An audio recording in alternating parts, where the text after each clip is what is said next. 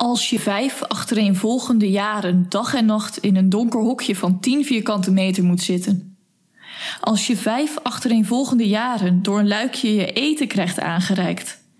Als je vijf achtereenvolgende jaren ieder moment van de dag en ieder moment van de nacht kan worden begluurd. Als je vijf achtereenvolgende jaren een half uur per dag mag luchten in een getraliede ruimte die op een mini-versie van een apenkooi in Artis lijkt als je vijf achtereenvolgende jaren op zondag verplicht wordt in een soort hondenhok te zitten om het woord des Heren aan te horen. Als je vijf achtereenvolgende jaren een oncomfortabel, niet goed passend boevenpakje moet dragen. Als je vijf achtereenvolgende jaren geen identiteit meer mag hebben, geen contact mag maken met mensen, niet mag praten, niet mag zingen, niet mag fluiten, dag in dag uit moet leven volgens hetzelfde strakke ritme. Als je vijf achtereenvolgende jaren geen mens meer mag zijn, wat voor een mens word je dan? Dat vroegen wij ons af. Dit is de Groninger Gifmoord. Een podcast over de zoektocht naar het nimmer opgeloste motief achter een bizarre, maar waar gebeurde vergiftigingszaak op het Groninger platteland. Over het leven van het 19-jarige dienstmeisje Jantje van der Veen. Waarom zwijgt men in het dorp over haar? Wat weet het dorp dat de kranten nooit heeft bereikt? In deze laatste aflevering onderzoeken we hoe Jantje van der Veen de eerste vijf jaren van haar eenzame opsluiting overleefde. En wat er met haar gebeurde nadat zij de gevangenis verlaten had. Dit is aflevering 5. Achter gesloten deuren.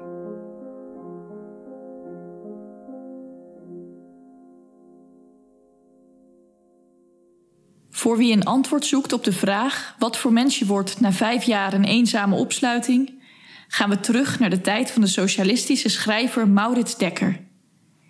In 1922 verwerkte hij zijn traumatische ervaringen uit zijn gevangenistijd in het boek Dodenstad, schetsen uit het gevangenisleven.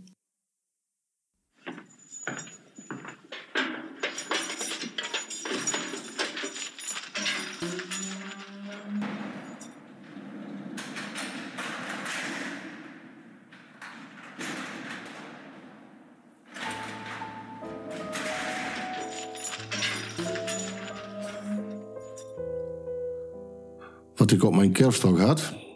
Ik had een mes gegooid naar het hoofd van een deurwaarde der belastingen en daarvoor moest ik een maand zitten. Ja, hoe ging dat? Een paar weken na mijn veroordeling ontving ik thuis een aanmaning om mij te melden bij het Paleis van Justitie in Rotterdam. Een politieagent bracht mij naar de strafgevangenis aan de Noordsingel. Daar werd ik overgedragen aan een gevangenisbewaarder. Ik kreeg een kap over mijn hoofd met grote gaten voor de ogen en ik moest hem volgen naar het bureau van administratieve zaken. Ik werd ingeschreven en moest alles afgeven wat ik bij me had. Ja, ook mijn trouwring. Daarna rinkelde er een bel en kwam er een andere gevangenisbewaarder die mij nog dieper het gesticht inbracht. Gangen door, trappen af, om daarna van top tot teen gevisiteerd te worden, waarna ik in een badkuip totaal gereinigd werd. Daarna moest ik onderkleding en sokken van het huis aantrekken, de rest van het boevenpak bleef achterwege omdat ik maar 30 dagen zou blijven. Toen werd ik, met de kap op natuurlijk, weer naar boven gebracht naar mijn verblijfplaats voor de komende 30 dagen. Vrijwel direct daarna werd er door het schafgat een middagmaal naar binnen geschoven. Het was één uur. Nadat het eten was weggehaald, kwam ik kort daarop een beambte die, zoals ik later begreep, een van de werkmeesters bleek te zijn. Voor mijn cel was een grote zak met bruine bonen neergezet, die ik op last van de werkmeester in mijn cel moest slepen en daarna moest uitzoeken. De goede van de slechte, de grote van de kleine, de bonen van het gruis. Het was een eentonig werkje dat ik dertig dagen lang moest doen. Met uitzondering van de zondagen natuurlijk, want op zondagen mochten we niet werken.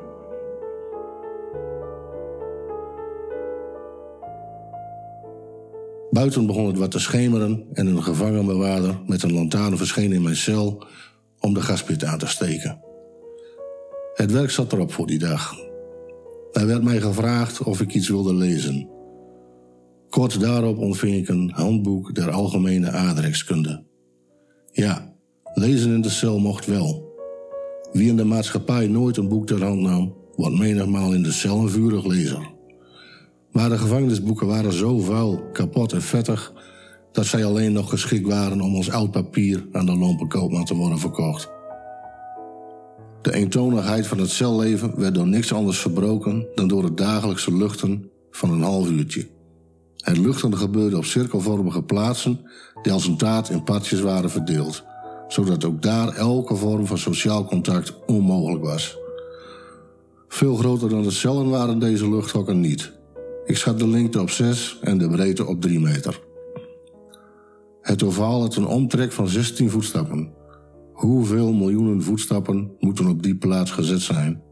Want in die stenen hadden de voeten van de mensen pad geslepen. Rond. Steeds maar rond. De lengte, de breedte, de lengte, de breedte, rond. Klotsend met hun klompen op de stenen. Rond. Steeds maar rond.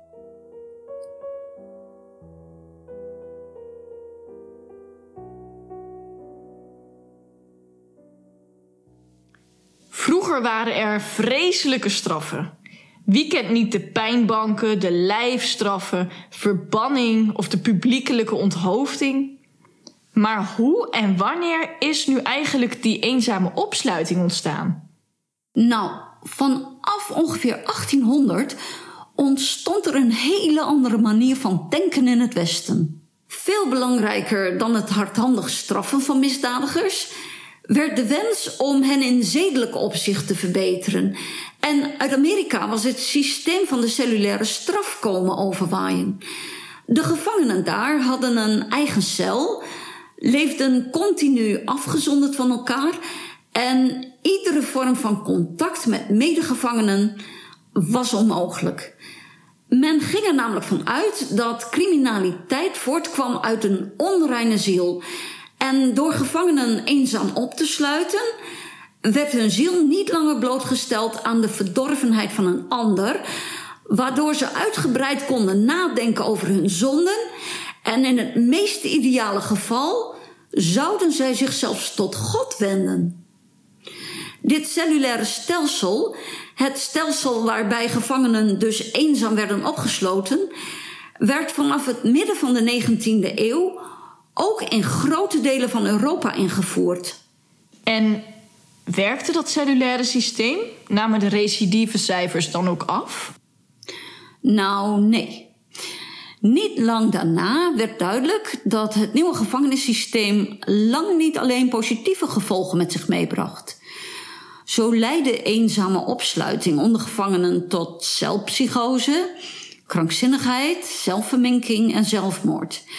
Die kleine halfdonkere cel, die dompige lucht, de hopeloze eenzaamheid, jaar na jaar zonder enige afwisseling, maakte de cellulaire straf erger dan de doodstraf. Het was een langzame geestelijke uitholling die de gevangenen nog verder vervreemden van de maatschappij. Het resultaat van cellulaire opsluiting was dat de helft van de gevangenen recidivist werd een deel verbitterd raakte en de krankzinnige gestichten overvol kwamen te zitten met doorgedraaide gevangenen. Er leek een verband te bestaan tussen krankzinnigheid en eenzame opsluiting. Maar deze constatering werd door velen niet geaccepteerd. Het cellulaire stelsel was immers humaan. Hoe kon dat dan een slecht effect hebben op gevangenen? Maar toen begin 20e eeuw het psychische leed van de eenzame opsluiting echt goed zichtbaar werd, was het voor veel gedetineerden al te laat. En toch is dat systeem blijven bestaan tot na de Tweede Wereldoorlog.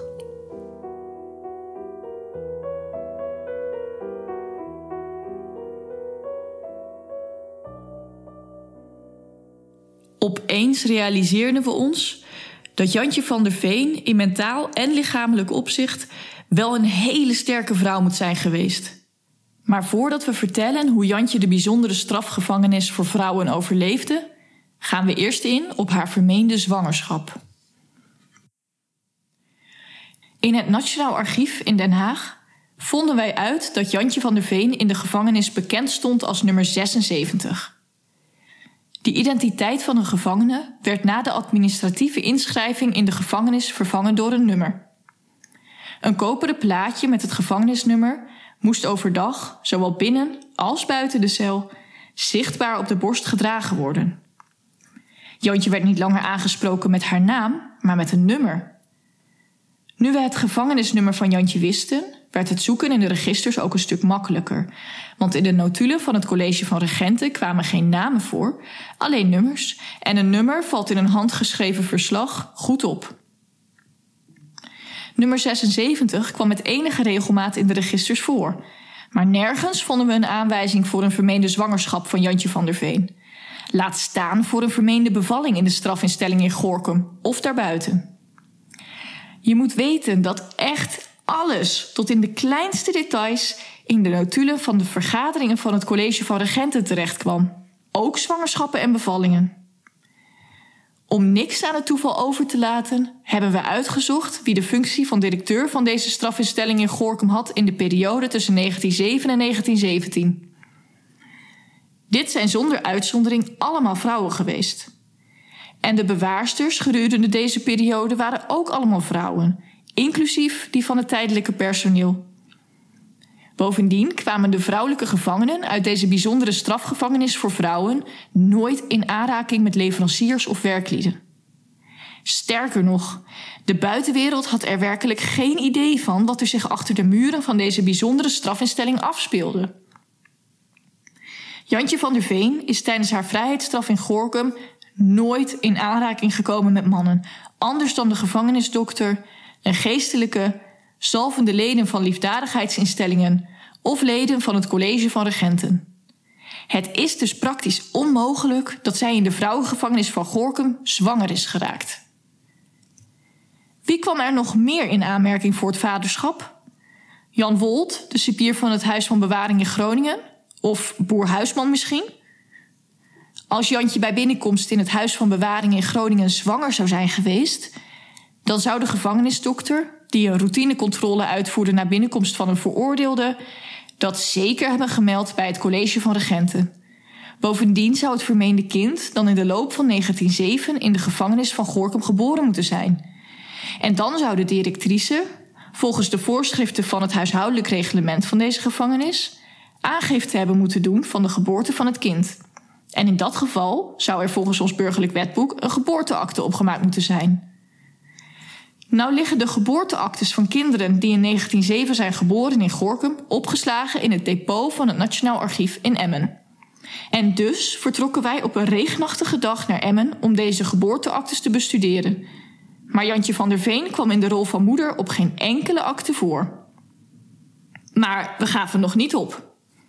Als Jantje een kind gekregen had in de strafgevangenis van Gorkum, dan zou dat kind ook in het register moeten voorkomen van kinderen die met de moeders opgenomen zijn geweest. In dit register van inschrijving van kinderen komt de naam van het vermeende gevangeniskind van Jantje van der Veen niet voor. En ook bij het CBG-centrum voor familiegeschiedenis kwamen we niet verder. We hebben in de notulen van de beide registers van het college van regenten slechts één geboorte kunnen vaststellen. Maar de moeder van dat kind heette niet Jantje van der Veen. Behalve een heel hoop extra werk leverde onze zoektocht naar het vermeende kind van Jantje van der Veen bij de cipier niks op. We konden dit verhaal met een gerust hart naar het land der fabelen verwijzen.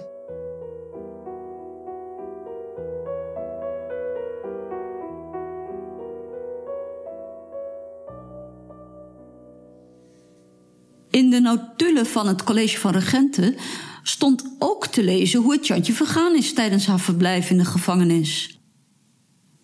Toen Jantje van der Veen in de gevangenis van Gorkum aankwam, werd ze eerst ingeschreven in het register tot inschrijving der gevangenen. En in dit register vonden wij, 116 jaar na dato, eindelijk een opsomming van haar uiterlijke kenmerken. Helaas, helaas ontbrak er een signalementsfoto in dit register. Jantje van der Veen was 1,68 lang.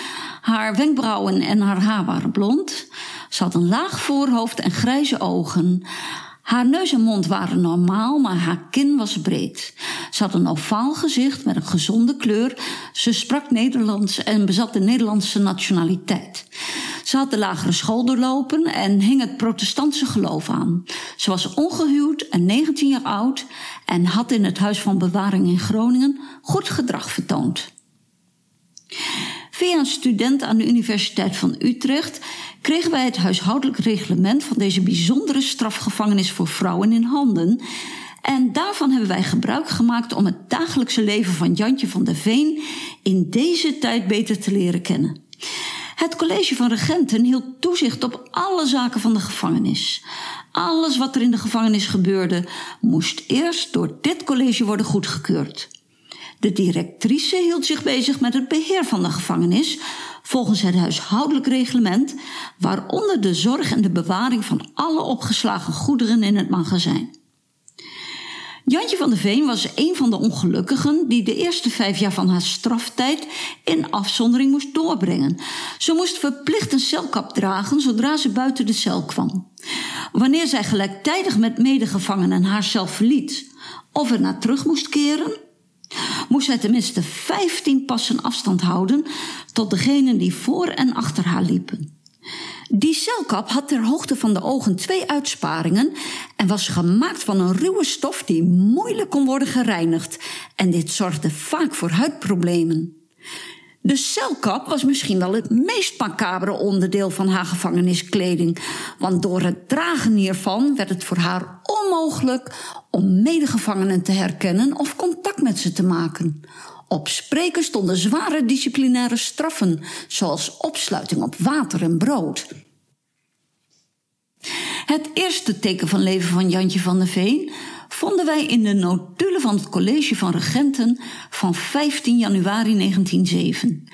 Daarin lazen we dat de directrice aan het College van Regenten tijdens een vergadering vraagt of er bezwaar tegen bestaat om de nieuw ingekomen celbewoonster, Jantje van der Veen, te laten werken. Met het oog op haar nog zo jonge leeftijd was dit zeer gewenst. Het verzoek wordt toegewezen. We kunnen dus wel stellen dat Jantje van der Veen na twee dagen van niks doen op water en brood, de rest van die 1826 dagen heeft kunnen vullen met het uitvoeren van werkzaamheden in haar strafcel, waarin ze ook sliep en verbleef. En dat werk was, naast het lezen van zedelijke boeken, het dagelijkse luchten van een half uurtje en het verplichte bezoek aan de kerkdienst op zondag, de enige afleiding gedurende die eerste vijf jaar van haar vrijheidsstraf. Anders dan de verzoeken om ieder jaar geld te mogen sturen aan haar familieleden en de preken die ze kreeg als ze zich in haar brieven aan haar moeder weer eens te negatief had uitgelaten over het gevangenisregime in Gorkum, waren er in deze registers niet veel bijzonderheden te vinden over Jantje van der Veen. In de notulen van 9 januari 1912, dus vijf jaar later, lazen we dat nummer 76 was overgegaan naar gemeenschap. Na vijf jaar een cellulaire opsluiting werd de gevangenisstraf in de regel verder in gemeenschap ondergaan. In juli 1916 werd Jantje van der Veen door het college van regenten gehoord over de mogelijkheid van een voorwaardelijke invrijheidstelling. Haar uitgaanskas bedroeg ongeveer 200 gulden. Ze had goed gedrag vertoond tijdens haar detentieperiode in Gorkum en hard gewerkt. Jantje had bovendien van de minister van Justitie twee maanden administratieve strafvermindering van haar gevangenisstraf gekregen. Tot onze grote schrik lazen we in de notulen van de eerstvolgende vergadering van het College van Regenten dat het college nog niet tot voorwaardelijke invrijheidstelling van nummer 76 had kunnen adviseren, omdat er onlangs iets was voorgevallen. Jantje had namelijk stukken van lakens afgescheurd om daarop handwerkjes te kunnen maken. Maar het was in de gevangenis streng verboden om eigendommen te vernielen. Je kunt je wellicht voorstellen dat we daar in Den Haag wat lacherig deden toen we dit lazen. Maar deze actie zorgde er wel voor dat Jantjes voorwaardelijke invrijheidstelling met een jaar opschortte. In de notulen tussen september 1916 en november 1917 lazen we hoe Jantje van der Veen dan tenslotte toch in voorwaardelijke vrijheid werd gesteld. Jantje had bij de voorzitter van het college van regenten al aangegeven dat zij liever niet naar haar vroegere omgeving wilde terugkeren en dat zij bij voorkeur als schoonmaakster aan de slag wilde gaan. Toen het college van regenten Jantje van der Veen een aantal maanden na het incident met de lakens wel voor voorwaardelijke invrijheidstelling voordroeg en de minister van Justitie daar een beslissing over moest nemen, uitte deze zijn twijfels. Hij wilde dat Jantje van der Veen eerst psychiatrisch zou worden onderzocht voordat hij een beslissing over haar voorwaardelijke invrijheidstelling zou kunnen nemen. En dus kwam dokter P.H. Rosenstein uit Den Haag naar de gevangenis in Gorkum om Jantje van der Veen te onderzoeken op geestelijke afwijkingen. Maar het resultaat van dit onderzoek liet zo godsgruwelijk lang op zich wachten dat zelfs het college van regenten druk begon uit te oefenen op het eindrapport van deze psychiater. Want door het uitblijvende rapport was ook Jantjes aanvraag tot plaatsing bij diverse reclasseringsinstellingen verlopen. En zo'n reclasseringsinstelling speelde een hele belangrijke rol bij de voorwaardelijke invrijheidstelling van een gedetineerde. Eind september 1917 was dat psychiatrisch rapport dan eindelijk klaar.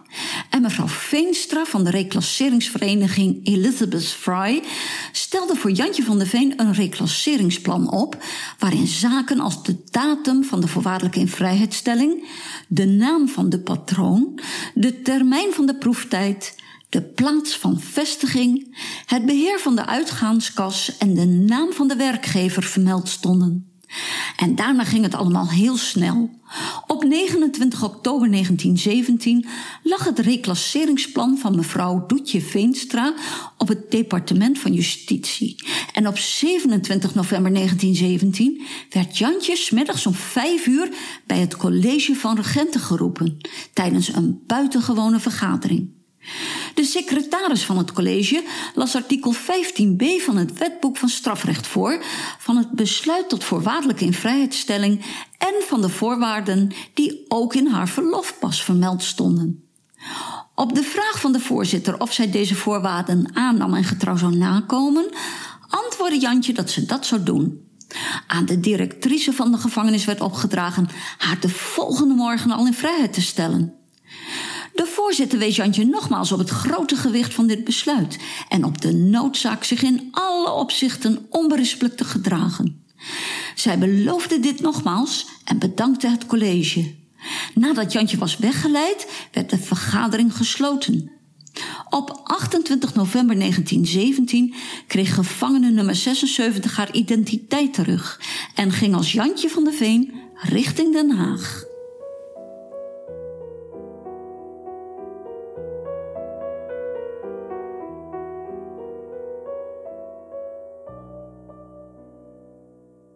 Oké, Jantje vertrok dus richting Den Haag.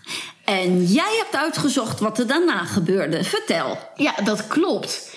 In de gegevens van het Haagse bevolkingsregister vond ik dat Jantje nog dezelfde dag van haar invrijheidstelling zich heeft gevestigd in Den Haag aan de Tenierstraat 22.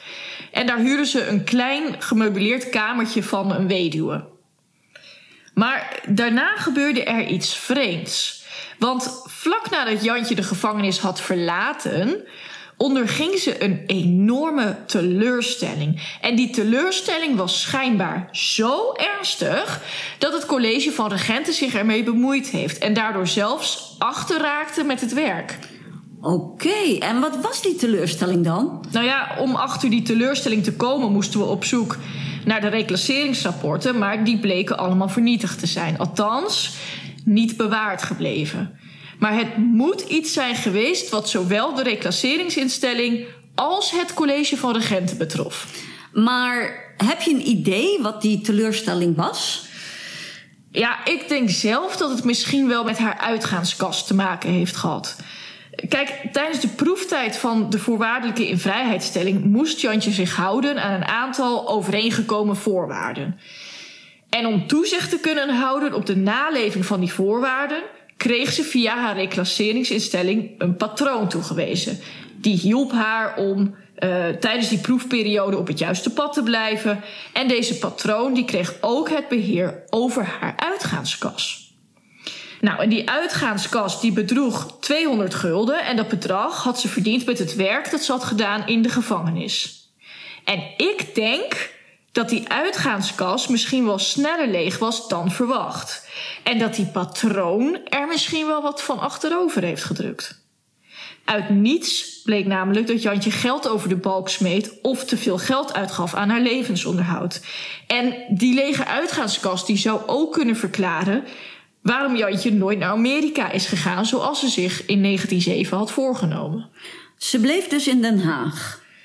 Ja, op 1 februari verhuisde ze binnen Den Haag van de Tenierstraat 22 naar de Van der Veldenstraat 75 in de Schilderswijk. En wat bleek? Nou, Zes maanden later was ze getrouwd. oei. Op 31 juli 1918 trouwde Jantje in Den Haag met Albert Menko Nieuwenhuis, een koopman in glas- en aardewerk. En deze Albert Menko Nieuwenhuis die was al eens eerder getrouwd geweest met Ebelina Nijdam. En uit dit huwelijk waren twee kinderen geboren. Jannes in 1903 en Anna Christina in 1904. Maar die Ebelina Nijdam die had nogal een zwakke geestelijke gezondheid. En zij stierf dan ook in februari 1918 op 41-jarige leeftijd. En ze liet dus haar man met twee pubers achter. En binnen een half jaar na het overlijden van zijn vrouw hertrouwde Albert Menko Nieuwenhuis met Jantje van der Veen. En Jantje verhuisde opnieuw van de Van der Veldenstraat 75 naar de Rembrandtstraat 348 en heette voortaan dus mevrouw A.M. Nieuwenhuis van der Veen. Oh, dat is snel. Zeker voor die tijd. Ja, maar het kan ook zijn dat Albert Menko Nieuwenhuis haar werkgever was. En dat zij hem dus zo heeft leren kennen. Als Jantje als schoonmaakster in het gezin van Albert Menko Nieuwenhuis werkte, dan had haar teleurstelling misschien ook wel te maken met de dood van Ebelina Nijdam. En was zij misschien wel bang om haar baantje te verliezen. En dat dan in combinatie met die lege uitgaanskas, zou er voor haar dan niet heel veel anders overblijven dan de prostitutie. En Albert Menko Nieuwenhuis zal misschien ook wel belang hebben gehad bij een nieuwe vrouw in het huis voor zijn kinderen.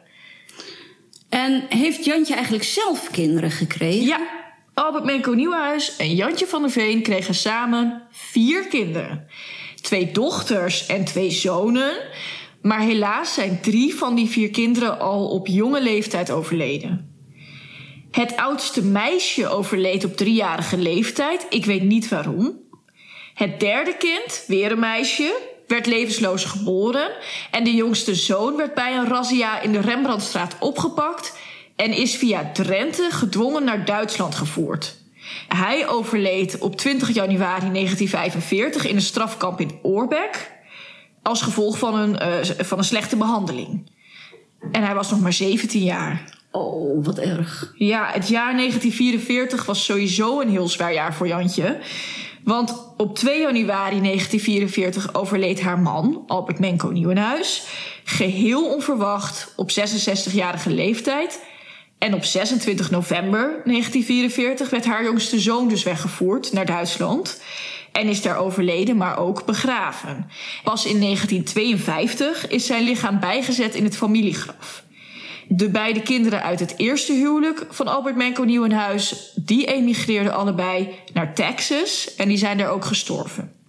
Dus ze raakte ook nog eens drie van haar vier kinderen kwijt? Ja, na de oorlog bleef Jantje alleen over met haar oudste zoon. En voor zover ik weet, is hij na de oorlog getrouwd en kreeg hij vijf kinderen. Misschien valt het je op dat ik geen namen noem en dat probeer ik ook te vermijden in verband met de privacy van die kleinkinderen. Heb je eigenlijk contact gehad met deze kleinkinderen? Ja, ik heb contact gehad met één van deze vijf kleinkinderen, maar daar wil ik nu niet op ingaan. Oké. Kwam Jantje ooit nog terug in Garrelsweer? Ja, Jantje van der Veen kwam na de oorlog nog wel eens in Garrelsweer. Ze ging dan een uurtje bij haar moeder op bezoek, maar ze sliep daar niet. Ze nam dan mooie haarlinten mee voor haar beide achternichtjes, de dochters van haar neefje Pieter van der Veen. Die woonde praktisch naast haar moeder. Ik heb gehoord dat zij een hele lieve tante was.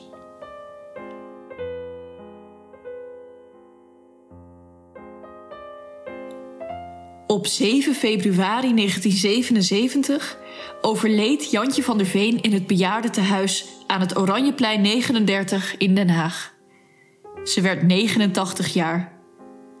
Ze ligt begraven op de begraafplaats van Nieuw-Eikenduinen in Den Haag, grafnummer 3808. Een graf dat volgens de documenten nooit geruimd mag worden. Het familiegraf bestaat uit een rechtopstaande steen waarop de namen staan van haar man, haar oudste dochtertje en haar jongste zoon. Daarvoor ligt een kleine steen met de tekst: Onze lieve moeder, Jantje Nieuwenhuis van der Veen. Geboren 20 maart 1887, overleden 7 februari 1977. Het graf ziet er goed onderhouden uit. Iemand heeft begonia's geplant die op dat moment voluit bloeiden. En hier hebben weinig wat gelukstenen bijgelegd. Hier eindigde letterlijk en figuurlijk onze zoektocht naar het leven van Jantje van der Veen. Een doodnormaal meisje voor wie het leven een onbedoelde wending nam.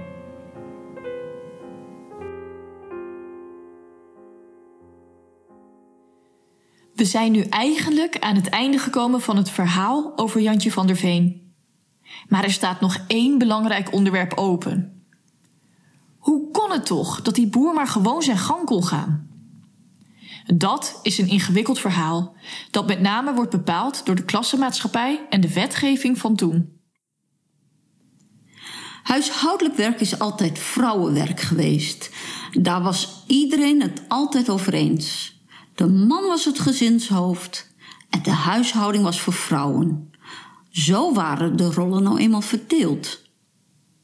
Het doen van huishoudelijk werk was volgens de wet geen baan. Dienstmeisjes werden beschouwd als gezinsleden, als huisgenoten. De huishouding was een privéaangelegenheid en de wet liet het huishoudelijk gezag over aan de heer des huizes en iedereen binnen dat gezag was aan hem ondergeschikt.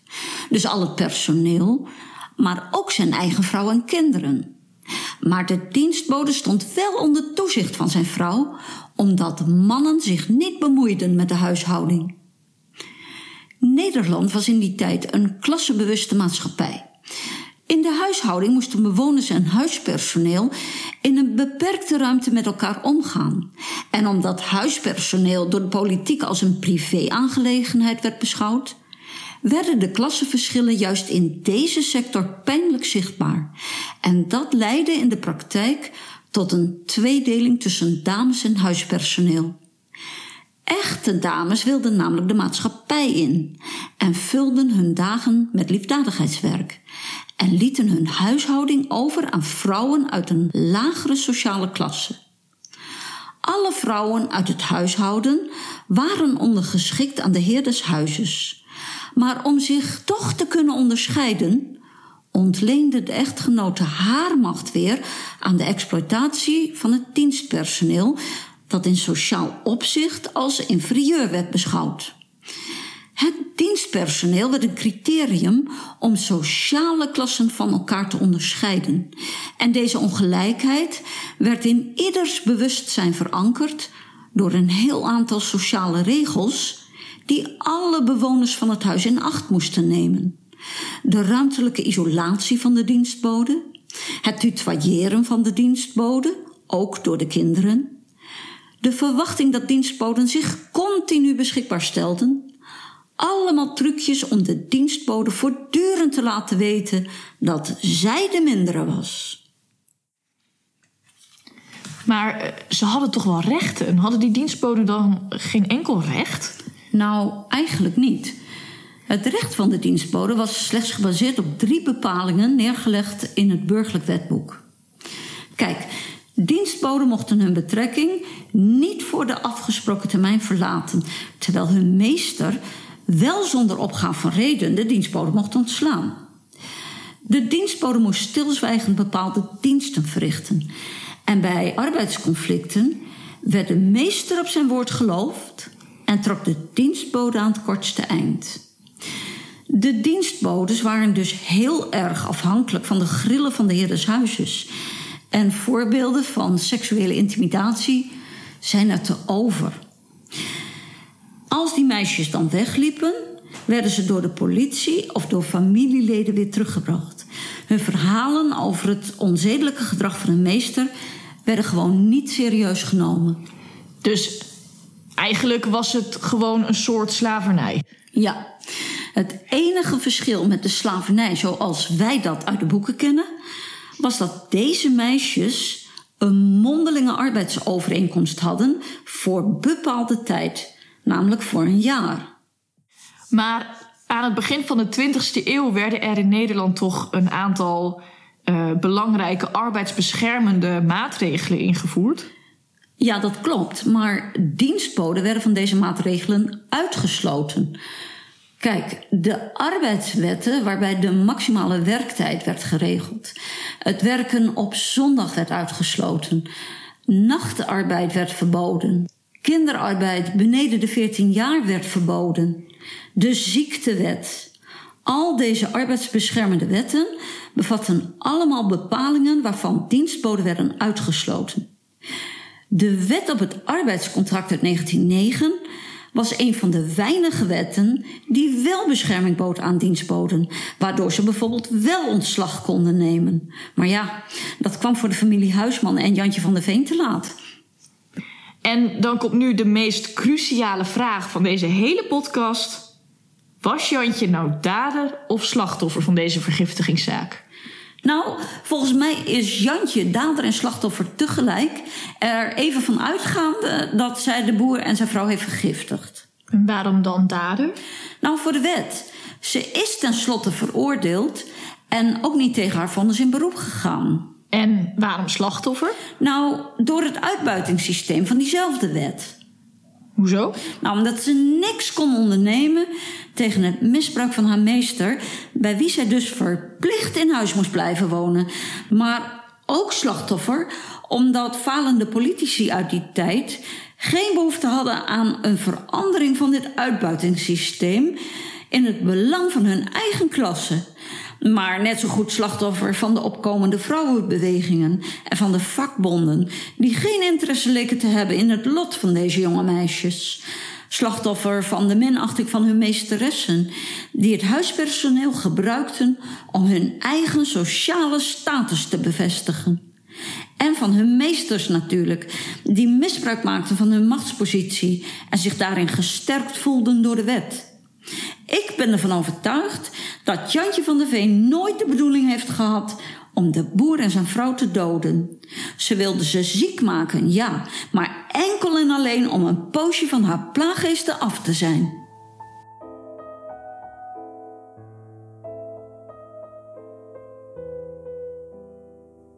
Het lijkt erop dat we nog niet alle vragen over deze Groninger gifmoord hebben kunnen beantwoorden. Zo begrijpen we niet waarom er mensen zijn die nog steeds niet over deze zaak willen praten. Jantje, die er niet onaardig uitzag, ging graag met mannen om. Aanvankelijk geloofde men dan ook met een geval van wulpsheid te doen te hebben. Maar langzamerhand werd duidelijk, uit hetgeen Jantje zich zo nu en dan liet ontglippen, dat ze tegen bepaalde personen van de familie Huisman een wrok koesterde. Hoewel dit de vergiftiging van het personeel nog niet verklaarde. Ze was nog nimmer met politie en justitie in aanraking geweest en stond te goeder naam en faam bekend. Ook de rechtbank Groningen achtte het niet nodig haar te laten onderzoeken op een geestelijke afwijking. Vrouw Huisman, die haar verdacht van brandstichting op de boerderij, kon onmogelijk aantonen dat Jantje de schuren in brand had gestoken en de brandweer van Ten Boer pleitte haar vrij door te verklaren dat de brand door hooibroei was ontstaan. Een maand later was er de vergiftiging, die eerst aan Boer Huisman en acht dagen later aan zijn vrouw het leven kostte. Men vermoedde dat er voor de vergiftiging arsenicum was gebruikt, onder het volk beter bekend als rattenkruid. Op 25 augustus 1906 stierf niet alleen Boer Huisman een langzame en pijnlijke dood, maar rond deze tijd ontving de familie Huisman ook een bericht van de brandwaarborgmaatschappij dat zij de kosten van de brand slechts voor de helft wenste te betalen. Ook dat nog. Samenvattend komen we tot de volgende conclusies. Uit het vonnis blijkt dat getuige Jacob Boerema, een arbeider uit Hogebrug, zich klip en klaar herinnerde dat Jantje van der Veen op 14 augustus 1906, dus één dag voor de vergiftiging van Boer Huisman, onder het middageten zou hebben gevraagd hoeveel rattenkruid een mens eigenlijk verdragen kon. Alje van Bruggen, Jacob Kiel, Grietje Doornbos en hijzelf waren daarvan getuigen geweest. Uit de getuigenverklaringen wordt duidelijk dat de drie mannelijke personeelsleden zich deze vraag precies kunnen herinneren. Maar Grietje Doornbos heeft hier blijkbaar geen herinnering aan, althans, zij verklaart hierover niet. Behalve dat die drie getuigenverklaringen sterk op elkaar lijken, ligt de nadruk in deze verklaringen vooral op Jantjes taak om de maaltijden te verzorgen. Maar we hebben al gehoord dat de taken in de praktijk niet zo sterk waren afgebakend als deze getuigen ons willen laten geloven. Uit het vonnis blijkt dat dokter Redingius op vrijdag 17 augustus 1906 Gepko Huisman en zijn vrouw Ietje Wierenga al waarschuwden geen eten meer te gebruiken op de boerderij van zijn ouders. En dat dokter Redingius op zondag 19 augustus al tot de conclusie kwam dat er sprake was van vergiftiging van het eten op de boerderij.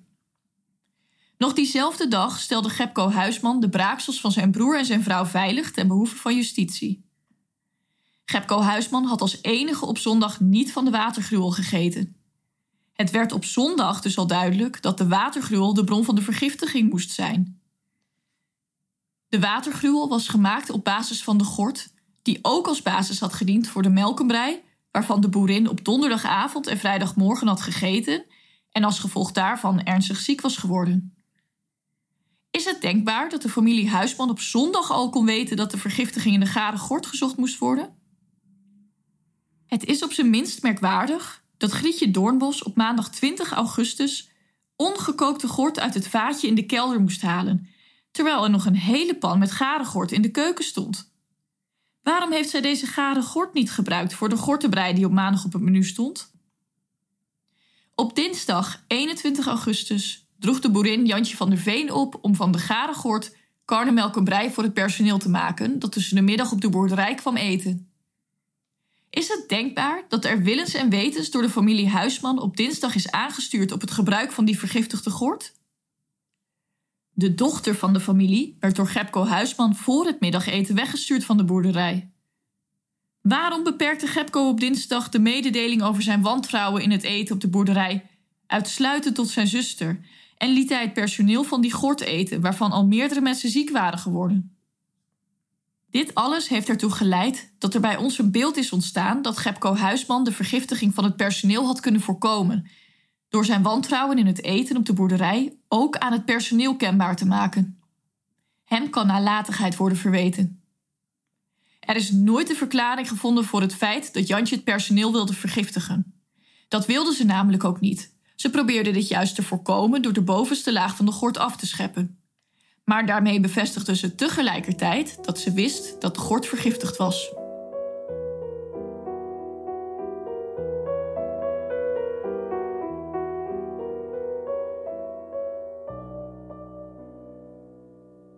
Naar aanleiding van het verhaal over Jantje van der Veen hebben we zoveel verhalen gehoord over het lot van dienstmeisjes in het algemeen, dat we ons oprecht mogen afvragen wat er aan de hand is geweest in een sector waarin sociale afstand achterdocht en minachting zo kenmerkend waren geworden dat zelfs seksueel misbruik van een dienstbode door de omgeving genegeerd leek te worden. Uitzonderingen natuurlijk daar gelaten. Men zegt wel eens: vroeger was alles beter. Maar ik vrees dat deze mensen dat beeld te veel romantiseren. Misschien was het vroeger minder gecompliceerd dan nu, maar niet beter. Zeker niet voor vrouwen en kinderen.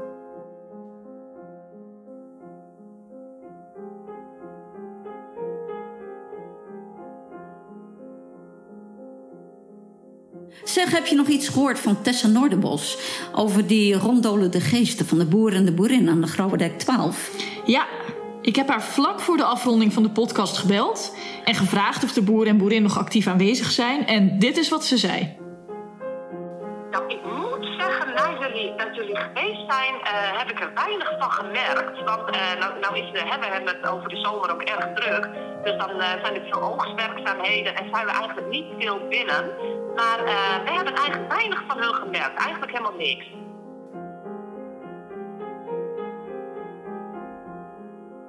Heb je ook nog iets vernomen van die mevrouw die beweerde dat Jantje in de gevangenis zwanger werd van een cipier? Nee, ik heb wel geprobeerd met haar in contact te komen, maar ze is verhuisd omdat haar woning werd versterkt. En de voorzitter van de historische vereniging van Garrelsweer? Nee, dat is mij ontraden. Dat zou geen enkel doel hebben gediend.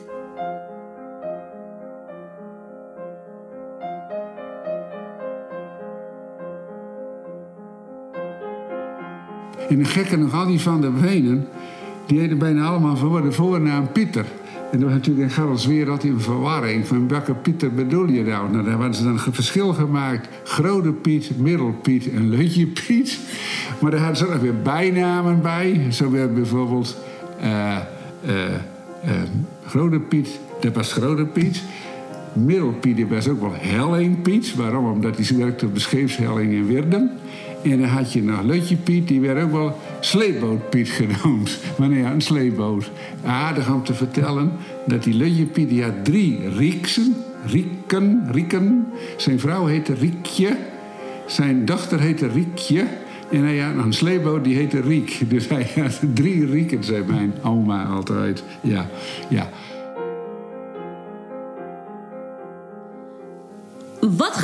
Met uh, de boerderij? Wordt die gesloopt of wordt die versterkt?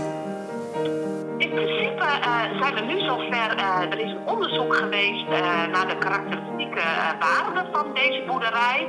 En die schijnt nogal hoog te zijn. Dus omdat de karakteristieke waarde heel hoog is, wil, wil de gemeente hem niet kwijt en mag die niet gesloopt worden. Dus dat houdt in dat die versterkt gaat worden. Maar omdat de schade best heel groot is, uh, komt er nog een aanvullend funderingsonderzoek. En als daar nou echt hele schokkende dingen uitkomen, dan zou het misschien nog kunnen zijn dat hij in dezelfde stijl herbouwd moet worden. Maar we gaan ervan uit dat dat niks wordt en dat hij gewoon blijft staan en dat hij versterkt wordt.